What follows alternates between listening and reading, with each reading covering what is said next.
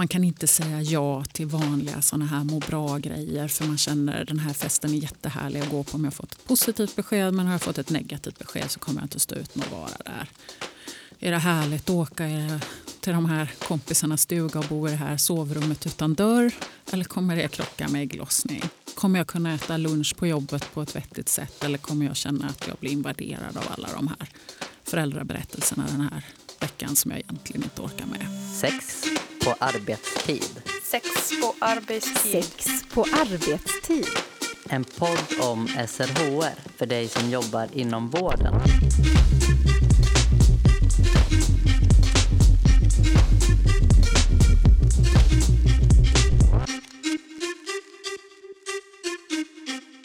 Att sätta livet på paus, ha sex på schema, behöva runka i burk och se växande magar överallt. Så kan det vara att vara ofrivilligt barnlös. För många är det en livskris som kan pågå i flera år utan att man vet hur det ska sluta. Det finns många orsaker till ofrivillig barnlöshet och det finns hjälp att få. I det här avsnittet har vi bjudit hit psykologen Stina Järvholm. Hon arbetar på reproduktionsmedicin Salgrenska och möter dagligen personer som kämpar för att få ett barn. Vi som gör avsnittet idag heter Jennifer C. Och Elin Klingvall. Välkommen till Sex på arbetstid, Stina Järvholm. Tack så mycket. Vad innebär det att vara ofrivilligt barnlös? Oj, ja, det är ju, för det första måste man ju definiera sig som ofrivilligt barnlös. Det räcker ju inte tror jag att tänka att man är utan barn för väldigt många perioder av sitt liv är man ju faktiskt frivilligt barnlös eller barnfri som vi brukar säga. Men om man, den första definitionen var ju om man lever i en heterosexuell relation att man har försökt få barn mer under ett år utan att lyckas genom oskyddat sex, då är man ofrivilligt barnlös. Men idag tänker jag att det kan vara väldigt många olika situationer och personer som faktiskt identifierar sig som ofrivilligt barnlös. Helt enkelt att man vill bli förälder och inte har lyckats eller kunnat bli det. Kan du ge exempel på flera sådana situationer? Ja, jag tänker att man kan ju till exempel leva i en relation där man lever, om man är kvinna och lever med en annan kvinna, att man inte förfogar över den möjligheten själv utan behöver sjukvårdens hjälp om man vill bli förälder eller man är ensamstående. Där har man ju rätt nu enligt våra lagar i Sverige att också få behandling som ensamstående kvinna. Det, den möjligheten har man inte om man är ensamstående man och är man man och lever tillsammans med en annan man så har man ju också väldigt begränsade möjligheter att bli förälder i Sverige idag. Finns det någon uppfattning om hur många det är i Sverige som är ofrivilligt barnlösa? Och det är ju jättesvårt att svara på för man kan ju vara ofrivilligt barnlös en period och sen oavsett lite grann hur det går definiera sig som någonting annat. Eh, jag, jag, vet inte, jag har inte sett en sån siffra. Eh, man kan ju omvänt säga att det vanligaste om man en period har definierat sig som ofrivilligt barnlös att man faktiskt sen blir förälder. Det tänker jag ofta när man möter patienter eller ser hur man exponerar den här frågan offentligt så, så är det på något sätt som att det är ett tillstånd man fastnar i för alltid eller att det är den gruppen som, som ibland exponeras väldigt hårt. Men de flesta som har en barnönskan blir ju så småningom föräldrar på ett eller annat sätt. Två begrepp som man stöter på är infertil och steril. Vad är det för skillnad mellan dem? Eller finns det någon skillnad? Ja, det gör det ju. Och eh, här skulle ni haft en läkare på plats. Men steril, då kan man ju inte bli med barn. Infertil är ju att man har svårt att bli med barn. Så skulle jag säga att vi använder det i vardagligt tal. Och vad finns det för olika anledningar till infertilitet? Kan du nämna några? Ja, alltså en vanlig faktor för oss eh, som är födda som kvinnor det är ju ålder. För vi har ett ganska om man jämför med hur länge vi lever idag och hur länge vi är unga vuxna idag så har vi fortfarande ett ganska kort fertilt fönster. Alltså allra bäst möjligheter kanske att bli gravida någonstans mellan ja, från när vi börjar ha möjlighet att bli gravida men, men kanske någonstans upp till 35-40 år. Sen har vi faktiskt ganska svårt att bli gravida och ändå idag vill ju faktiskt många bli föräldrar lite senare i livet kanske. Så det är ju en anledning. Det är, brukar man räkna under det man kallar livsstilsfaktorer. Just den livsstilsfaktoren kan man inte göra så mycket åt. Sen är det om man också igen som, som kvinna väger för mycket eller för lite gör ju det svårt. Eh, det är både för kvinnor och män dåligt att röka i relation till sin fertilitet. Och sen finns ju de här mer alltså strikta medicinska förklaringar. Man kan ha stopp i sina äggledare, man kan ha kommit till klimakteriet för tidigt som kvinna, man kan ha endometrios, sådana här sammanväxningar. Som man kan man ha olika, många, man ska säga, olika problem med spermier. Man kan ha för få eller orörliga eller man kan ha den typen av eh, vad man ska säga, tillstånd där det gör att man inte får levande spermier i, sitt, eh, i sin utlösning.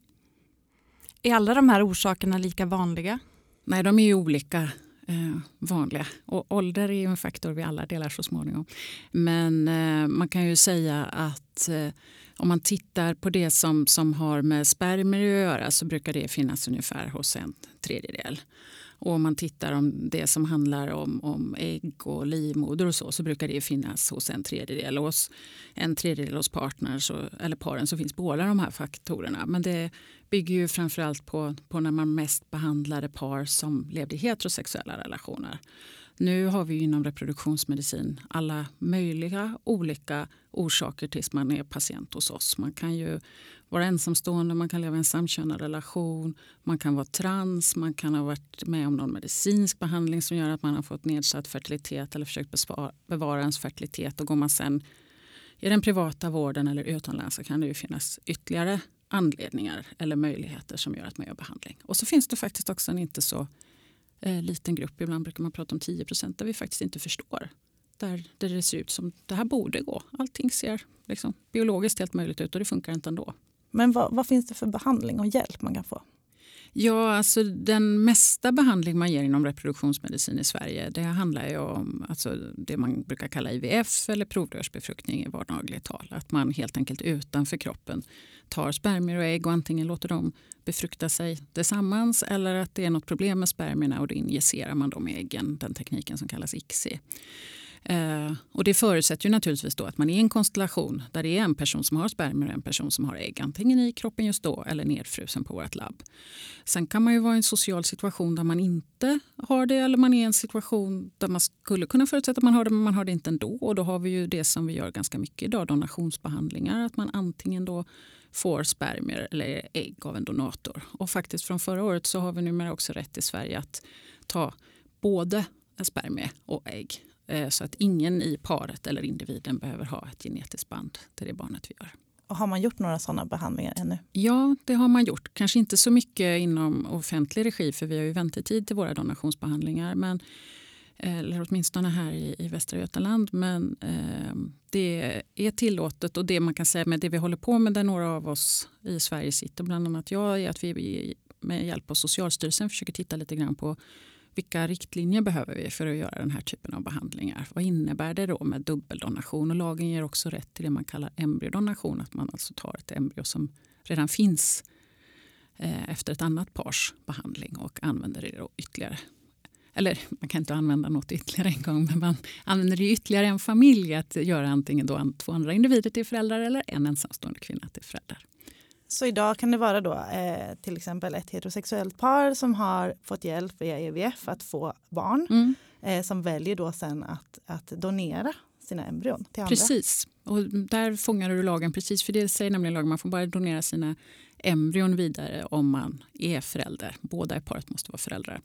Och det är just det kanske vi tittar mest på nu. För det ställer ju en hel del nya frågor. Att vad innebär det i alla fall då att genetiskt få kanske ett helsyskon i en annan familj. Och det finns ju en hel del lagar och regelverk just kring donationsbehandlingar och de är lite svåra att backa och liksom göra i efterhand. För det är ju inte det primärt det paret har gjort sin behandling för.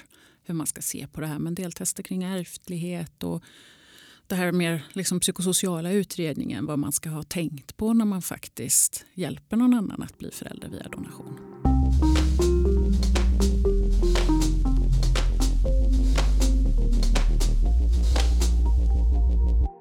Vilka andra eh, regler och lagar finns i, inom den offentliga vården för att få hjälp med eh, assisterad befruktning? Man ska ju då tillhöra de grupperna som, som man har bestämt sig då rent juridiskt naturligtvis har rätt och dels då sen som landstinget har bestämt sig att man prioriterar och då har man bestämt sig gemensamt att vi behandlar i offentlig regi par som inte har ett gemensamt barn. Så har man ett gemensamt barn då kan man inte få behandling i offentlig regi. Man kan ju sen om man då har råd och möjlighet göra andra försök i privat regi. Och man har också möjlighet att genomgå behandling som ensamstående kvinna. Eh, sen behöver man som kvinna, man, vi behandlar inte efter 40 års ålder och inte män efter 56 års ålder. Och om man söker behandling som par så måste man vara par och söker man behandling som ensamstående måste man vara ensamstående. Och det låter glasklart i teorin och inte alltid så enkelt i praktiken.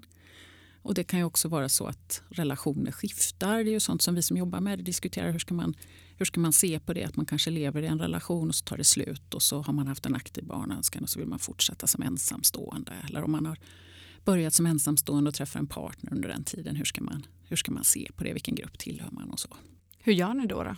Det brottas vi med idag, hur vi gör. För att det här är inte så jättelänge. Det är sedan 2016 vi har behandlat eh, ensamstående kvinnor också.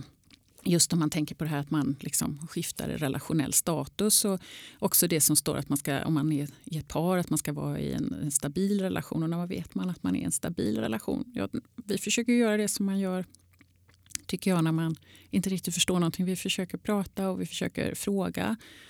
Jag tror vi tänker lite olika kring detta i landet. Vi på Sahlgrenska som jobbar med de här frågorna tänker väldigt mycket att det är svårt, eller det är svårt att skapa liksom absoluta regler där man kan säga att det alltid eller aldrig behöver vara på ett visst sätt.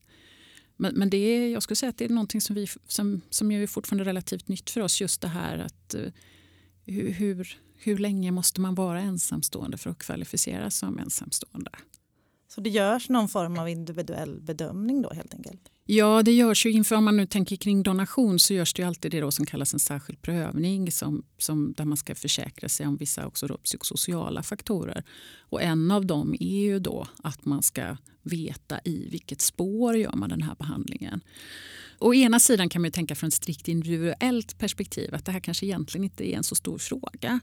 Å andra sidan ur ett samhälleligt perspektiv så är det ju en stor fråga för det handlar ju också om barns rätt till sitt ursprung. Det handlar om arv, vem är vårdnadshavare? Vi har ju en del liksom regler som kvarstår kring föräldraskap som handlar om när jag menar, som skapades när reproduktionsmedicin inte fanns. Att ett barn som föds inom äktenskapet räknas alltid som de som är i det äktenskapets barnets föräldrar. Och eh, ja, men det här med försörjning och ansvar och också möjlighet att vara en del i ett barns liv. Vad avgör vilken behandlingsmetod som man väljer? Ja, alltså det kan man ju också tänka att i, det finns ju om man tittar ut i världen så kan man säga att i vissa sammanhang om man köper sin behandling så är det ju det också någonting man är kanske har väldigt specifika önskemål om eller är med och skräddarsyr eller har en liksom kulturell tradition kring att man får med och påverka. Här i Sverige är det ju både i offentlig och privat regi ett medicinskt beslut av läkaren ytterst. Där det då både handlar om vad är medicinskt möjligt och tillrådet i just den här situationen och vad är juridiskt möjligt. Så.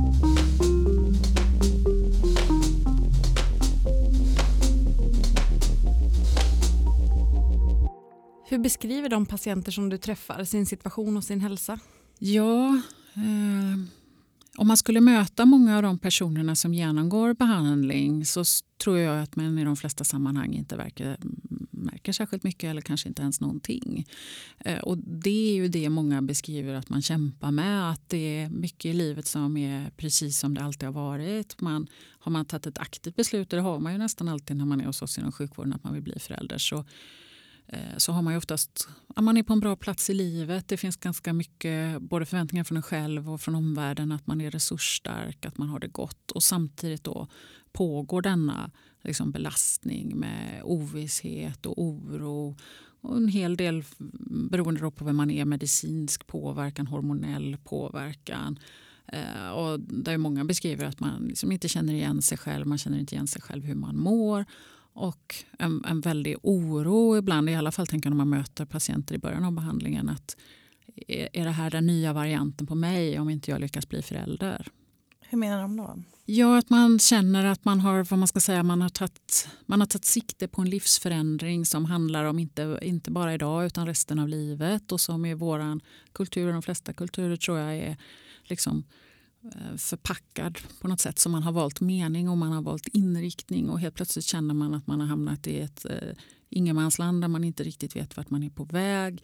Eh, ens mående står ganska mycket i kontrast till det man hade föreställt sig liksom av en härlig, lite mer romantisk period där man skulle liksom bekräfta ett vi. Eh, och man har svårt att föreställa sig eftersom detta handlar om en väldigt central livsönskan. Hur ska livet bli om det här inte går?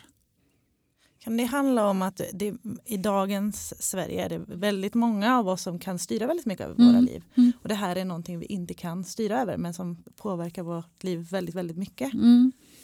Ja, det finns ju en del sociologer som har tittat på det på ett spännande sätt tycker jag, som just säger det här att just det här att vi har ja, men de senaste 50, snart kanske 60 åren har framförallt ju att man har kunnat påverka eller det har funnits eh, preventivmedel på ett helt annat sätt som man har kunnat styra bort oönskad graviditet och föräldraskap. Vilket då kanske paradoxalt till har lett till föreställningen att man sen alltid ska kunna styra ett önskat föräldraskap eller graviditet. Och det är ju en del som ger uttryck för det som när de liksom möter oss inom vården. Både känslan av att ja, men det här borde gå så lätt, eh, det räcker att man har mens, det räcker att man har en spermie och om det inte funkar så kan väl sjukvården fixa allting. Och det här att stå inför och förstå att ja, vi förstår mycket om de här områdena idag men vi förstår inte allt. Och i detta då det som kommer och som jag tror vi kommer se mer av framöver är det man lite internationellt kallar fertility awareness. Att man också behöver börja tänka kring ja, men inte bara hur jag vill jag liksom skydda min fertilitet utan hur kanske vill jag använda min fertilitet och vilka val behöver jag göra utifrån det. Och där tror jag att vi har haft mer träning att undvika alltså att bli gravida. Finns det andra normer kring föräldraskap och fertilitet som du märker påverkar dina patienter? Ja, men det finns ju jätte, jag tror att detta är ett område i samhället oavsett om man går inom reproduktionsmedicin eller oskyddad sex. Alltså det här med när blir man förälder, vem blir man förälder, hur är man som förälder. Att, det finns jätte, att det är ett område både för patienter hos oss men föräldrar i största allmänhet. Att det finns så mycket föreställningar om hur man ska vara, om man är framgångsrik, om man lever i en bra relation. Och när saker och ting hänger upp sig i det, vilket ju mer är det normala, alltså om man tänker om föräldraskapet i stort, så känner man sig, om man jämför med annan typ av kris, lite mer misslyckad, ensam och menar, att man liksom försöker undvika att närma sig de känslorna och att det kan bli väldigt tydligt i den här situationen att, att vi, vi har liksom ingen social karta för hur vi ska hantera den riktigt. Vad ska man göra åt det? Ja, alltså jag tänker att väldigt, under de åren jag har jobbat med detta så väldigt mycket bra händer. Alltså det finns en annan öppenhet. Jag tycker ibland om jag tittar på till exempel människor som bloggar mycket eller mycket på Instagram, offentliga personer pratar om sin ofrivilliga barnlöshet eller sin barnlängtan och så. Sen tycker jag ju fortfarande kanske mest att man pratar om det när det har löst sig. Att det är väldigt svårt att prata om den här som oftast är den tuffaste känslomässiga perioden när man är i ovissheten. Eh, för oavsett hur det går, så när man sen liksom kommer till en plats där man vet hur det gick, det är naturligtvis mycket på många sätt enklare om det blev som man hade tänkt sig. Men faktiskt också om man står inför att man ska hantera att inte bli förälder som man har tänkt sig så går det ju att hjälpa sig själv på ett annat sätt. Men det man skulle kanske behöva hjälp med när man är i den här situationen är ju den här som ibland är åratal när man inte riktigt vet hur det här kommer att sluta. Och där är ju fortfarande inte öppenheten så stor tycker jag och att det är ganska ofta ja, vad man ska säga, det gemensamma samtalet präglas mycket av såna här liksom quick fix-lösningar. och Du ska se att det ordnar sig. och Gör så här så ska det säkert bli bra. Vilket utöver att det kan vara, vara jobbigt att höra undertexten på det är ju på något sätt att det triggar att om jag bara tänkte lite bättre eller kände lite bättre nu så skulle jag inte behöva tycka att det här är så jobbigt. Och, och det är ju väldigt jobbigt att leva i en ovisshet.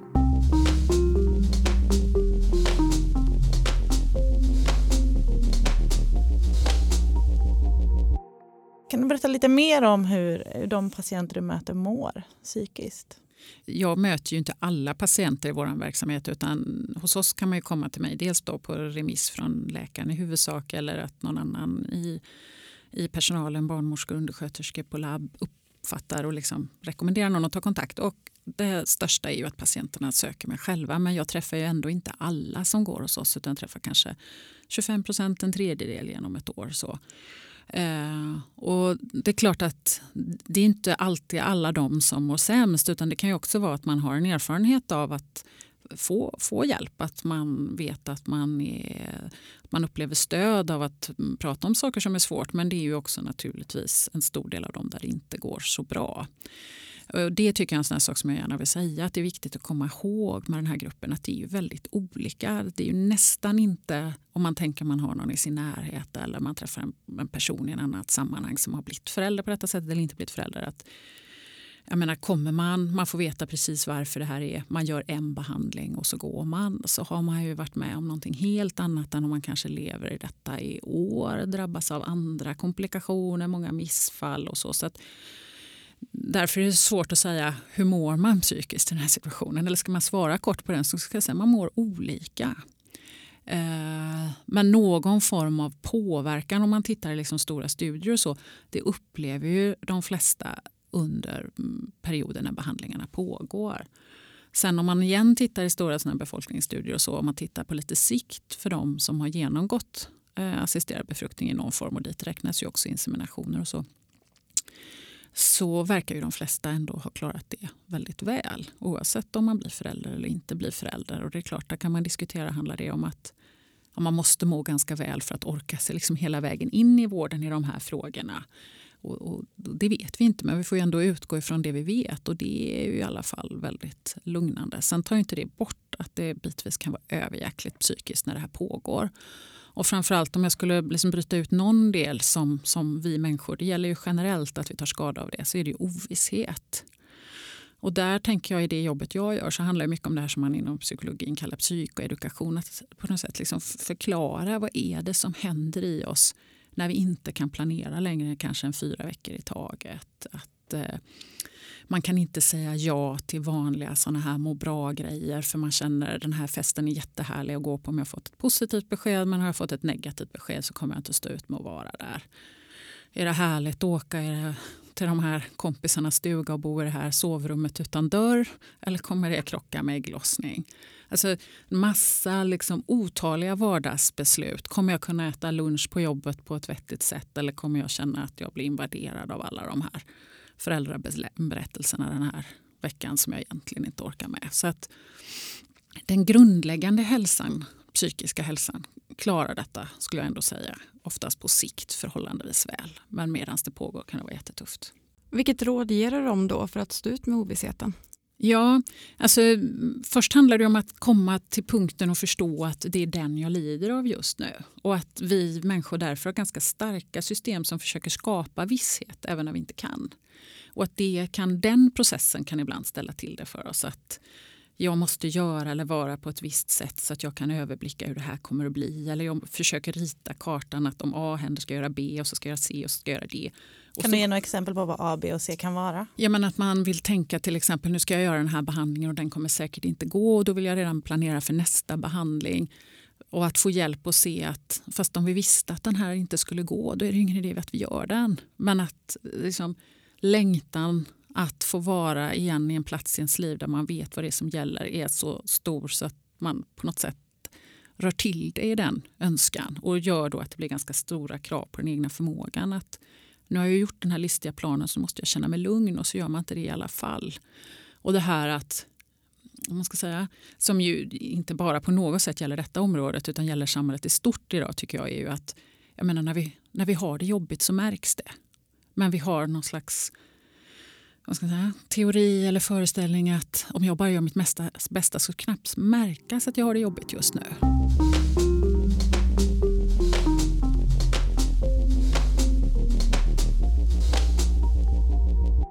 Hur påverkar ofrivillig barnlöshet sexualiteten? Ja, men om man lever i en relation där man från början tänker att man har haft möjlighet själv att bli gravid via oskyddat sex så har man ju oftast en period, skulle jag säga, man vill ju aldrig säga alltid, men i princip alltid skulle jag säga innan man når oss inom vården, där man har haft först ganska lustfyllt sex när man har tänkt att det här ska bli ganska härligt. Det här är en extra dimension av en sexualitet, att man är på väg att bli förälder, till att man har ganska mycket eh, ja, men prestationsinriktat schemasex. Att sex, man tänker man styr om sitt tändningsmönster för, från att vara sugen på själva sexualiteten till att vara sugen på själva möjligheten till befruktning.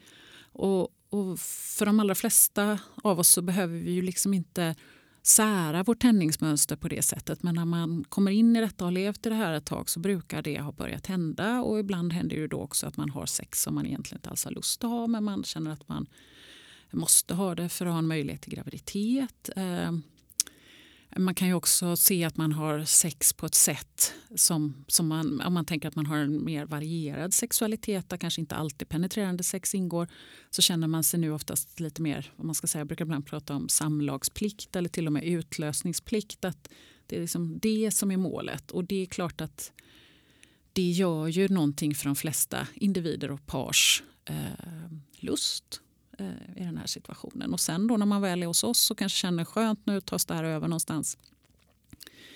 Då kommer ju allt det här andra till som ju ändå många upplever påverkar eh, möjligheten liksom till att känna sig sugen. Och det är ju att på något sätt intimiteten är lite bruten eller mycket bruten. Man gör mycket gynundersökningar.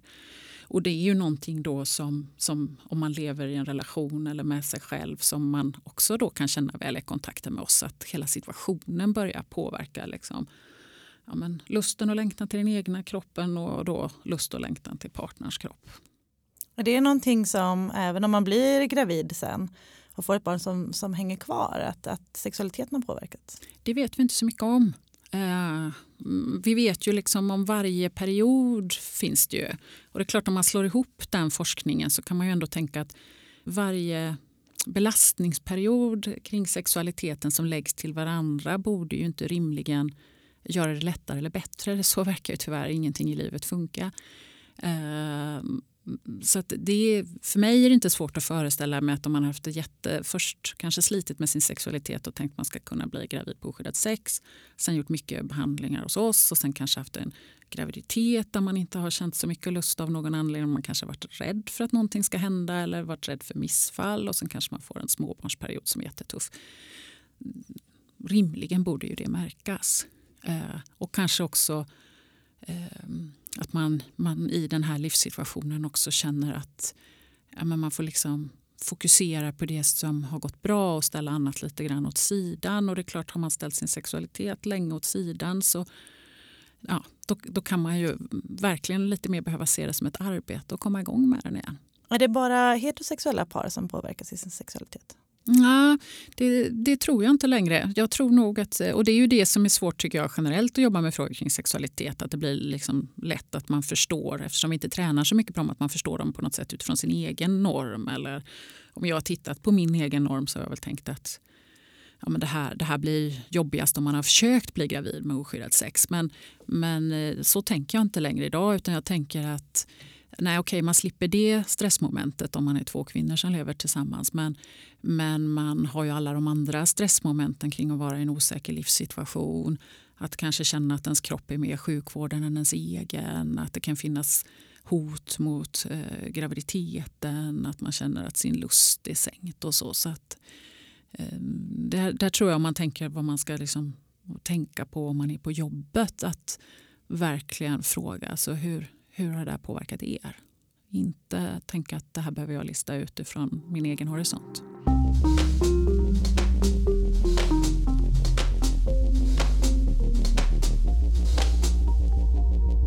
Hur brukar omgivningen reagera? Eh, det är ju väldigt eh, olika, men om man ska generalisera, och det måste man ju få göra ibland också, så verkar ju detta vara en fråga som verkligen triggar omgivnings, eller i alla fall lite för ofta eh, att säga att eh, tala om hur, hur de ska lösa detta. Jag tror att det är väldigt svårt och smärtsamt för många, särskilt om det är någon person man älskar och lever nära och som man kanske tänker, det kan ju vara ens eget barn, man hoppas på att bli mormor eller farmor eller en väldigt nära vän eller syskon eller så. Att, att eh, man står inte riktigt ut med smärtan i ovissheten så man går lite för snabbt till att ni ska nog se att det ordnar sig. Och man vill gärna dela med sig av exempel om hur det ordnar sig. Och Ge goda råd? Eller? Ja, ge goda råd. Eh, man får väldigt mycket omgivningens föreställningar om den här situationen. Och de, de flesta, även om det här är ett förhållandevis vanlig del av livet att vara med om så är det ändå så att de flesta av oss i majoriteten har inte varit med om detta. Och Det vi då delar med oss om handlar dels om ofta såna liksom quick fix-råd. Att man känner någon som har gjort på ena eller andra sättet, någon granne eller så eh, som man på något sätt vill lämna över som en present. Att gör så här så behöver ni inte ha det så jobbigt längre. Och Sen så finns det också en massa andra föreställningar om den här situationen som man ju oftast är väldigt sårbar för när man lever det här i liksom sitt eget liv. Och Saker som jag i alla fall trodde skulle liksom försvinna med ja, men en ökad öppenhet ett, eh, en ökad kunskap om den här eh, vården och liksom, man ska säga, delen av livet som kan drabba oss alla. Just det här att ändå någon patient i veckan berättar att man har fått mer ett bemötande som liksom hamnar åt hållet att ja, men är det meningen så blir man nog med barn. Eller om man inte, om man inte blir med barn så kan man nog låta det vara. och så. Eh, och det, det är ju väldigt det är väldigt svårt upplever ju många att bemöta detta på ett vettigt sätt. För man förstår ju oftast i någon mening är det ju tänkt som omsorg och samtidigt upplever man inte riktigt som omsorg eller inte alls som omsorg en del eh, om man nu ska säga goda råd som man kan råka ut för. Så, så om man får ge ett råd till omgivningen så skulle jag säga eh, alltså ställ, ställ frågor istället, kom inte med så himla många svar. Eh, många blir ju eh, gravida, lyckas med en graviditet som du sa. Men vad händer om man inte lyckas? Ja, där är ju det ändå ett liksom, arbete. Att, okay, men man har gått in i en relation eller en situation med sig själv som man tänker ska sluta på ett visst sätt. Annars gör man ju inte det här, att ett barn kommer. Och så gör det inte det. Det är klart att, att det oftast är ett arbete man behöver göra. Vad, vad betyder detta? Vad, vad vill jag nu? Eh, vilka andra områden i mitt liv är det som jag kanske vill ge ett annat fokus eller tänka annorlunda kring? För det är klart att när man tänker att man ska organisera sig kring ett föräldraskap då hamnar ju lätt andra områden en period eller länge på väntelista. För jag vill tänka kanske om mitt jobb eller mitt boende eller vårt sätt att organisera vårt sociala liv på ett sätt om jag tänker att jag ska ingå i de här sammanhangen som förälder. Och man vill göra med det på ett annat sätt om, om man eh, inte ska leva med barn på det sättet. Så att Eh, att, att, att, det, att det är en sorg, att det tar tid. Eh, att man kan känna sig vilsen och frustrerad över det man kanske har gett sig själv i uppdrag att tycka och känna. kanske inte känns så precis. Och för väldigt många, för då har man ju oftast varit i det här länge, en väldig trötthet. Eh, och det här att då, om, om jag brukar försöka låna ut strategier i det läget så handlar det om kanske att inte vara så fokuserad liksom på målet att åtgärda det och se till nu att nu får någonting bli rätt eller någonting annat utan tänka hur kan man öka omhändertagandet om sig själv en period och se att, att, det, att det är någonting som drabbar en. Sen tittar man på det så småningom så eh, det man ser är ju att de allra flesta Eh, lever ett väldigt gott liv och, och är vad man ska säga, såna liksom, övergripande parametrar mår minst lika bra som andra människor som, som är föräldrar och kanske till och med eh, bättre ibland. Men det man kanske i, i andra studier då har sett som en riskfaktor det är ju om man eh, inte kommer igenom den fasen utan liksom fortsätter och identifierar sig. Man fortfarande är väldigt mycket fast i det man har förlorat. Vart kan man vända sig om man behöver hjälp i den processen? Ja, det är inte så himla enkelt vart man ska vända sig. Är man fortfarande patient hos en klinik, oavsett om den är offentlig eller privat, så finns det ju eh, ska det finnas psykosocialt stöd att tillgå. Eh, problemet, för det händer mig flera gånger på ter, per, per, termin att någon ringer och säger att ja, men jag, jag var med om det här för två år sedan eller fem år sedan och nu, nu, nu behöver jag hjälp för jag liksom hittar inte framåt i livet i de här frågorna. Och då är man ju inte vår patient längre tyvärr så då har man ju inte vårt stöd att tillgå. Och då är det ju, får man ju söka, tänker jag, i de alltså vanliga kanalerna. Att söka via primärvården, på vårdcentralen. Har man möjlighet att söka terapeutisk behandling i privat regi, det är oftast en kostnadsfråga, så är det ett väldigt bra alternativ. Jag tror också att många känner att de har eh, god hjälp av olika typer av nätverk. Men där handlar det om att hitta rätt och hitta dem liksom som kanske både till viss del delar samma erfarenhet i den här situationen men också delar ett sätt att tackla det som man själv känner är hjälpsamt. Men, men det finns verkligen liksom ingen, ingen motorväg att erbjuda och säga kör här. Det gör det inte, tyvärr om, om jag hade föreläst här nu, det gör jag inte så det går inte att se mig, eh, så hade jag numera, jag börjar alltid med att lägga på en bild där det står eh, just det här om att vara barnfri och att det är ju viktigt att komma ihåg att alla vuxna som lever utan barn är ju inte eller har inte varit ofrivilligt barnlösa. Man kan vara barnfri. Och man kan ju också ha varit oför, ofrivilligt barnlös och faktiskt sen så småningom se sig som barnfri. Och Det är också jätteviktigt och det liksom försöker vi tänka på. Det är ju någonting vi informerar om också. att Det är klart det här är ett sätt att bli förälder eller leva med barn om man vill. Vilket väldigt många vill idag. Både kanske för man själv vill och också för att samhället stöttar det. Men, men det finns ju jag menar också andra vägar till föräldraskap som adoption eller att leva familjehem eller vara liksom, engagerad i barn på andra sätt. Men det är ju oftast ingenting när man är mitt uppe i den här situationen som man vill liksom, gå in i. För då vill man ju bli förälder på det här sättet. Men så småningom kommer ju en del också välja det istället.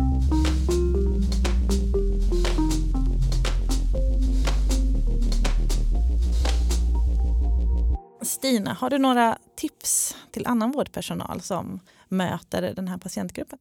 Ja, det ska jag försöka ha, även om min grundhållning till tips är ha inte så många tips. Men, men om man ändå får chansen, och det är ju på något sätt man förvaltar en massa erfarenhet man allra liksom mest respektfullt och ödmjukast har fått låna av sina patienter, så skulle jag ändå säga att möter du någon, oavsett om du är på jobbet eller är granne eller är hemma i din familj, som säger att de har varit med om detta.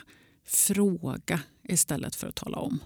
Det, det finns inte bara en variant på IVF eller ofrivillig barnlöshet utan be människor som har den här erfarenheten berätta. Hur var det för er? Fråga också, tycker jag, är, är det okej okay om jag frågar om det här? För att även om, om vi kanske som jobbar med de här frågorna blir väldigt ja, vi skaffar oss liksom ett språkbruk och pratar om olika typer av faktorer och prover som lämnas och kaviteter och annat så, så är det ju människors liksom intima sfär. Och, och, även om vi gynundersöker och gör annat i andra sammanhang så är ju det här det här är liksom ett möte med sjukvården där man inte har trott. De flesta har inte trott att man ska bemöta sjukvården i de här frågorna. Och sen tänker jag också att komma ihåg att man faktiskt kan vara ofrivilligt barnlös i, nu säger jag nästan mot mig själv, för jag sa ju för en stund sedan att man också kan vara barnfri, men man kan ju också vara ofrivilligt barnlös väldigt länge i sitt liv. Man kan vara ofrivilligt barnlös efter klimakteriet när alla börjar bli mor och farföräldrar. Man kan vara ofrivilligt barnlös som ensamstående man till exempel. Så att in, inte bara reservera den här perioden för, för par mellan 25 och 40. Utan kom ihåg att det här kan vara något som påverkar ens liv i andra faser också. Tack så jättemycket Stina Järvholm för att du kom till Sex på arbetstid. Tack för inbjudan.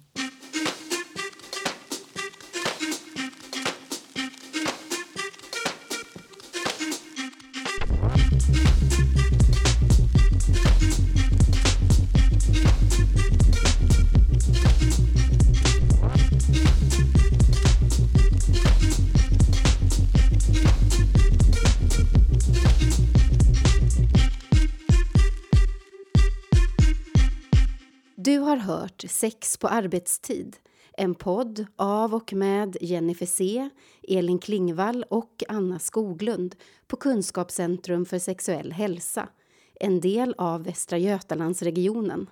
Sex på arbetstid produceras av Malin Holgersson på uppdrag av Kunskapscentrum för sexuell hälsa.